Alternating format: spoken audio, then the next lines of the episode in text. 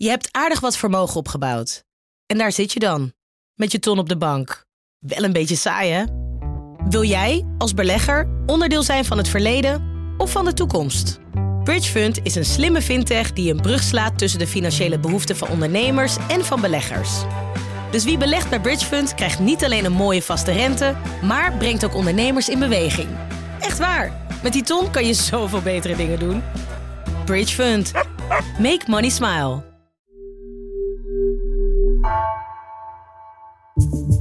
Vanaf de redactie van NRC het verhaal van vandaag. Mijn naam is Floor Boon.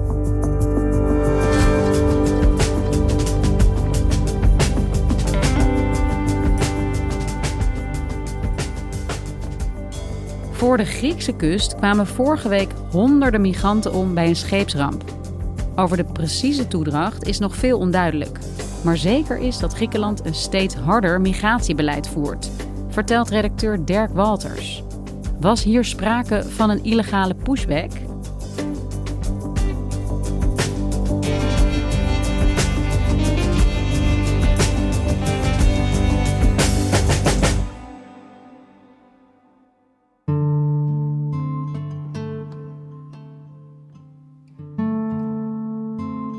Ik ging woensdag ehm, naar het Malakassa vluchtelingenkamp, dat is even boven Athene.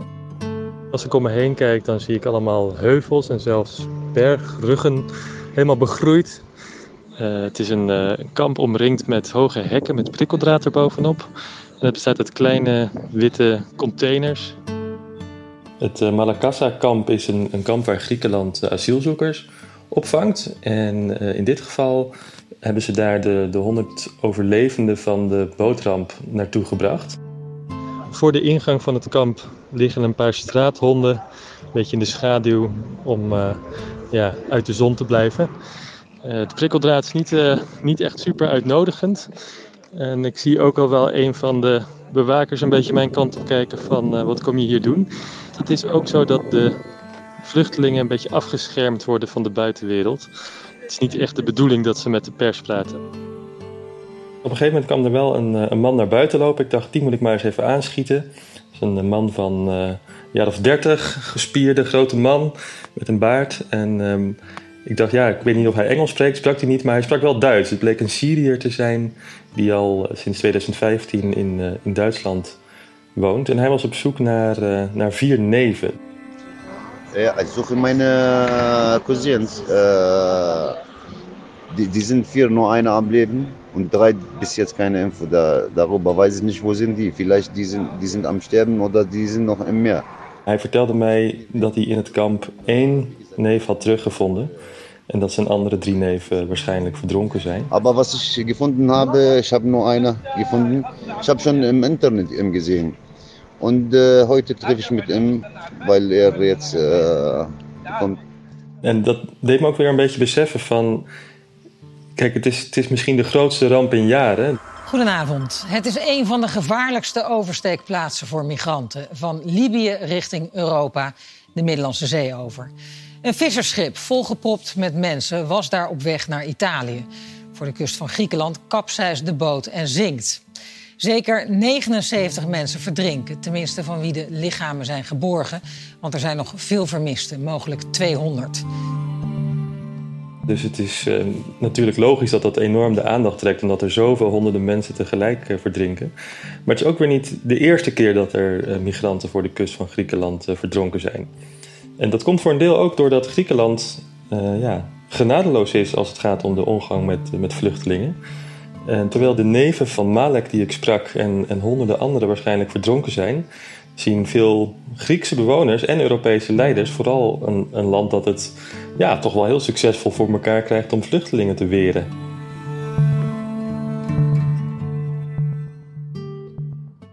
Ja, het is echt een afschuwelijke ramp die zich daar heeft voltrokken in die Griekse wateren vorige week.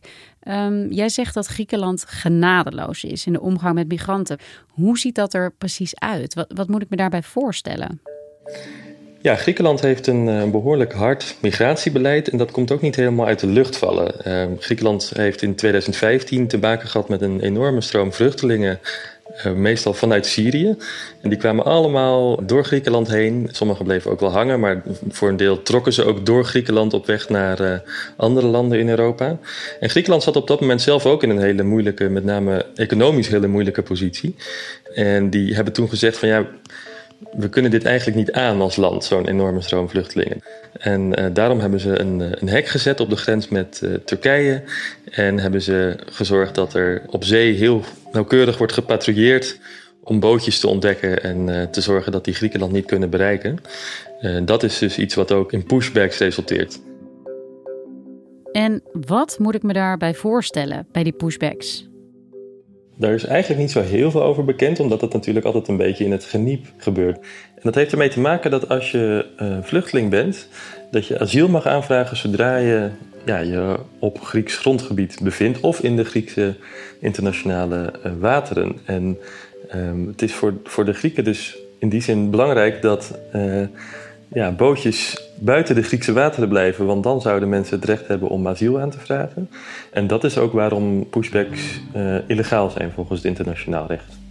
Dus het is ook belangrijk dat zo'n bootje uh, zo snel mogelijk ja, weggeduwd wordt uit de Griekse wateren. Want als blijkt dat zo'n bootje in nood is, dan heeft Griekenland de plicht volgens het internationaal recht om die mensen aan boord te helpen en aan land te brengen. Dus wat ze vaak doen is, ja, eigenlijk nog voordat het bootje door anderen is ontdekt, gewoon gauw in het geheim zo'n bootje wegduwen en vervolgens bij hoog en bij laag ontkennen dat het bootje zich ooit in, uh, op Grieks grondgebied heeft begeven. Ja, als je het zo vertelt, zegt Griekenland eigenlijk: het maakt ons niet uit wat er met jullie gebeurt. Wegwezen vooral. En uh, jullie zijn niet onze verantwoordelijkheid. We trekken onze handen ervan af ja, Griekenland zegt zelf van ja, nee, dat doen wij dus helemaal niet, hè, die, die pushbacks. Uh, dat, is, dat is een leugen, dat, uh, dat verzint men. Maar ja, dat narratief dat, um, ja, dat verkruimelt wel een beetje, want er is toch echt wel steeds meer bewijs dat Griekenland dat doet.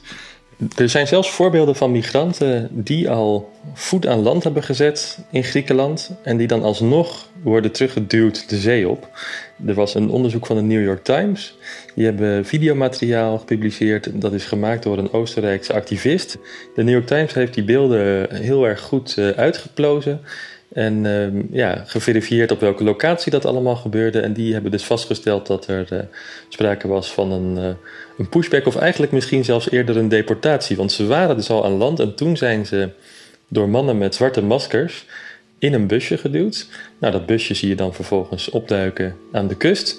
Vervolgens werden die migranten overgezet in een bootje.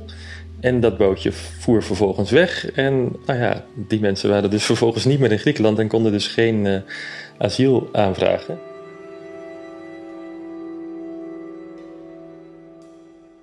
En uh, was er in dit geval, hè, bij deze ramp van afgelopen week, is daar sprake geweest van een pushback? Het eerlijke antwoord is dat we het niet precies weten. Het is duidelijk dat als een schip in nood is, uh, op de Middellandse Zee en het vaart uh, in internationale wateren, ja, dan is het wel jouw plicht om ze te helpen. En de Griekse kustwacht zegt dat ze die hulp ook wel aangeboden hebben, maar dat de migranten aan boord die hulp verschillende keren zouden hebben afgewezen. En uh, ze zouden gezegd hebben van nee, we willen niet door jullie geholpen worden, want we willen graag naar Italië. Nou ja, dat zou best wel kunnen, want veel migranten die willen liever ook naar Italië dan naar Griekenland. En dat komt mede ook doordat ze van anderen dan weer horen hoe migranten in Griekenland behandeld worden. En ook door die vrees voor die pushbacks, dat ze teruggeduwd zullen worden ja, naar ergens op zee of terug naar, naar Libië waar ze vandaan komen. Uh, maar er zijn ook bewijzen van het tegendeel. Je hebt een, een NGO die uh, ja, vluchtelingen in nood helpt, genaamd Alarmphone. En die hebben bewijs gepubliceerd dat het schip wel degelijk in nood was. Zij hadden telefoongesprekken met mensen aan boord. Uh, en die mensen die waren in paniek en die hebben via alarmfoon laten weten dat ze wel degelijk geholpen wilden worden.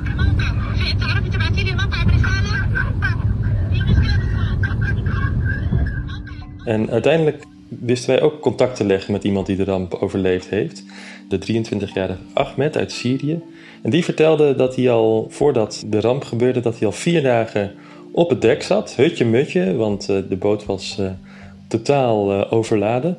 En dat ze eigenlijk al dagen geen, geen eten en drinken meer hadden. Er waren al een aantal doden gevallen door, door honger en dorst op dat schip.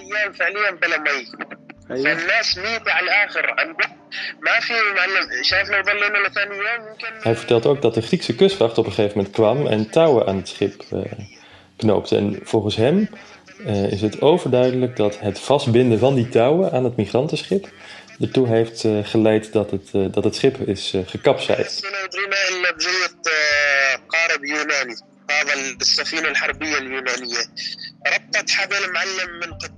En dit is dus wat bijna iedereen die van de boot gekomen is, los van elkaar vertelt. Dus als je die eh, verhalen naast elkaar legt, dan komt er toch wel nadrukkelijk het beeld in naar voren dat Griekenland de boot weg wilde slepen uit Griekse wateren en er niet voor verantwoordelijk wilde zijn. En welke positie neemt Griekenland hierin in? Ontkennen ze dat ze een pushback hebben uitgevoerd? Ja, ze zullen niet toegeven dat ze een pushback hebben uitgevoerd. Maar aanvankelijk ontkenden ze ook dat ze überhaupt uh, touwen zouden hebben gegooid. Um, maar dat um, was een verhaal dat ze maar een paar dagen volhielden. Toen heeft uiteindelijk een, eh, een regeringswoordvoerder dat ook wel met zoveel woorden toegegeven van ja, oké, we hebben wel een touw gegooid, maar dat was eigenlijk om eventjes uh, ja, de situatie onder controle te krijgen en eventjes uh, te kunnen nagaan wat precies de situatie was. Dus ze ontkennen nog steeds dat ze zouden hebben gesleept. En wat is het verhaal dat Griekenland dan wel vertelt? Hoe uh, ja, rechtvaardigen ze wat er is gebeurd? De Griekse premier Kyriakos Mitsotakis die richt al zijn pijlen op de, op de smokkelaars. Uh, dezelfde dag nog uh, zijn er negen mannen uit Egypte opgepakt. En die werden ook binnen vijf dagen al, al voorgeleid in Kalamata.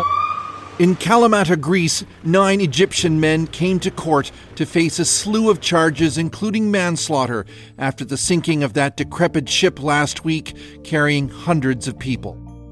En ja, de kustwacht die werd juist heel erg geprezen door Mitsotakis. Dat zijn mensen die uh, iedere dag vechten tegen de golven om mensenlevens te redden. En de smokkelaars uh, zijn dan natuurlijk uh, het uitschot in dit verhaal. Die mensen werden dus berecht, die, die negen Egyptenaren die verdacht worden van mensensmokkel. En het is nog niet tot een veroordeling gekomen. Maar in elk geval ja, leidde die zaak ook wel een beetje de aandacht af van de rol van de kustwacht en van het Griekse beleid. En het is allemaal ook geen toeval. Uh, zondag gaan de Grieken naar de stembus voor de tweede ronde van de parlementsverkiezingen. En uiteraard wil premier Mitsotakis graag uh, herkozen worden. En hoe reageren de Grieken erop, de bevolking? Dit is het politieke verhaal, zeg maar. Uh, wordt dat geloofd? Wordt dat omarmd door de bevolking?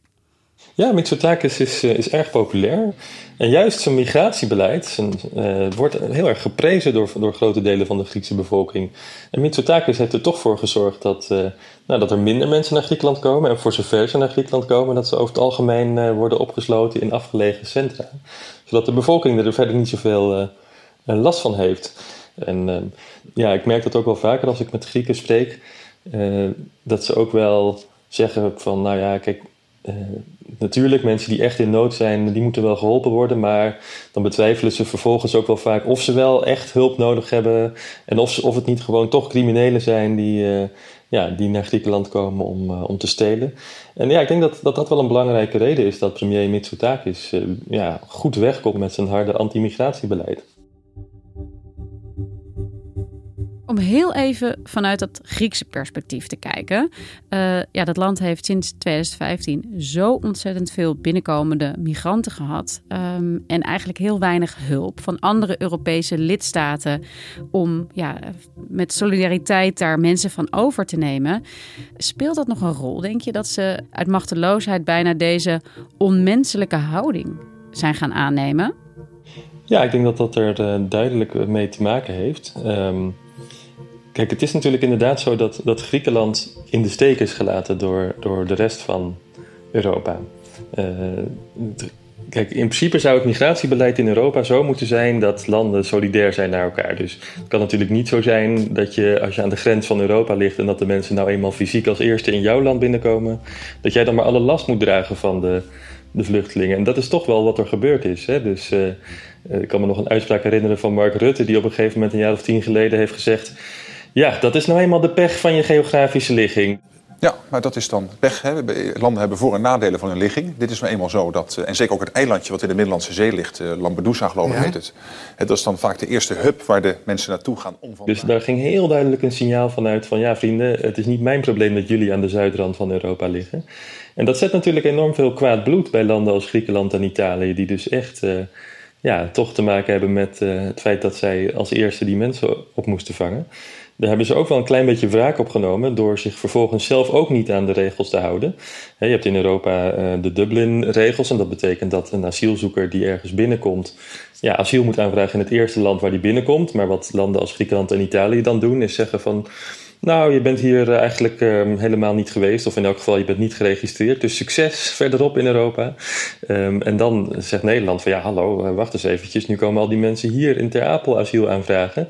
En die kunnen wij dan weer niet aan. Die hadden eigenlijk asiel moeten aanvragen in het eerste land waar ze binnenkwamen. Nou ja, dus zo, zo wijzen ze voortdurend naar elkaar van... Ja, maar jullie helpen ons niet uit de brand. Jammer, jullie sturen ze naar ons toe. Uh, maar in elk geval kun je duidelijk concluderen dat dat harde Griekse beleid niet uit de lucht komt vallen, inderdaad. En hoe is er nu internationaal op deze ramp gereageerd? De voorzitter van de Europese Commissie, Ursula von der Leyen, zei bijvoorbeeld dat ze diep geraakt was door het grote aantal doden. Toch merk je wel dat er minder verontwaardiging is dan bij rampen in het verleden. Dus je had in de jaren 2013 en 2015 had je ook van dit soort grote rampen met, uh, met vluchtelingenboten. En um, toen werd dat nog wel gevoeld als een grote schok. En um, ging de voorzitter van de Europese Commissie destijds, um, Barroso, die ging meteen naar de rampplek toe. En de Europese ministers van Migratie kwamen meteen bijeen voor een spoedvergadering. En dat soort reacties zie je nu eigenlijk niet. En wat ook uh, opvallend is, is dat uh, voorzitter Charles Michel van de Europese Raad ook meteen wees naar, naar de smokkelaars. Het is een herinnering dat we een einde moeten maken aan de gewetenloze handel van smokkelaars, twitterde hij. En dat lijkt dus heel erg op het verhaal van Mitsotakis. Het zijn de smokkelaars die het gedaan hebben en, uh, en ons, dus hè, de, de, de Europese leiders die migratiebeleid uitgedokterd hebben, treft geen blaam. Um, ja, ik denk dat, dat je ook wel kunt vaststellen dat Mitsotakis uh, ja, populair is in Brussel. Met name bij collega's die net als hij een beetje aan de rechterkant van het uh, politieke spectrum zitten. Onder wie uh, Giorgia Meloni van Italië en toch ook uh, Mark Rutte. Um, en ja, ik denk dat, dat dat soort leiders toch wel geïnteresseerd zijn. Ook al heeft ieder land weer zijn eigen uitdagingen. Maar toch wel geïnteresseerd zijn wat die methode Mitsotakis nou precies is. Als een soort blauwdruk van wat andere landen ook zouden kunnen doen om migranten buiten de deur te houden. En Vorige week, Dirk, is er juist een, uh, een, migratieakkoord gesloten in Europa. Voor het eerst sinds jaren zijn de Europese landen ja, het erover eens dat er iets moet veranderen in het migratiebeleid. Zal dat nou nog iets gaan veranderen in ja, dit soort afgrijzelijke rampen die toch met enige regelmaat plaatsvindt op die Middellandse Zee? Kijk, wat dat nieuwe migratiepact doet, is onder andere uh, zorgen dat er misschien iets meer solidariteit komt tussen de landen. Maar wat ook wel duidelijk is, is dat de, uh, ja, de, de, de harde lijn tegen migranten, die blijft overeind. En ja, kijk, hoe moeilijker je het maakt om te vluchten, dat zal verder niet verhinderen dat er toch mensen op bootjes stappen. Dat heeft toch vooral te maken met het feit dat mensen vaak gedwongen zijn om onmogelijke situaties te ontvluchten. En uit onderzoek blijkt ook wel dat ze dan linksom of rechtsom toch blijven proberen om, uh, om Europa te bereiken.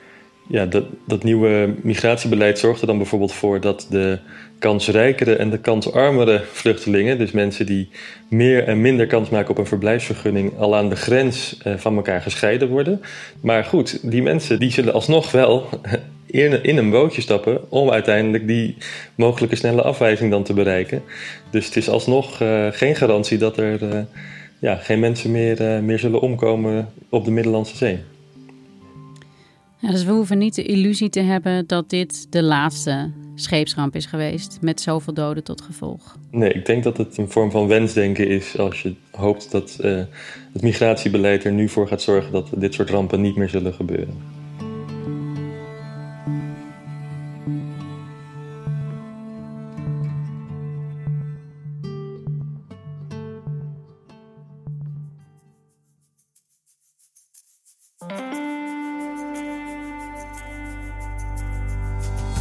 Je luisterde naar vandaag, een podcast van NRC. Eén verhaal, elke dag. Deze aflevering werd gemaakt door Mila Marie Bleeksma en Bas van Win. Coördinatie Henk Ruigrok van der Werven. Dit was vandaag. Maandag weer.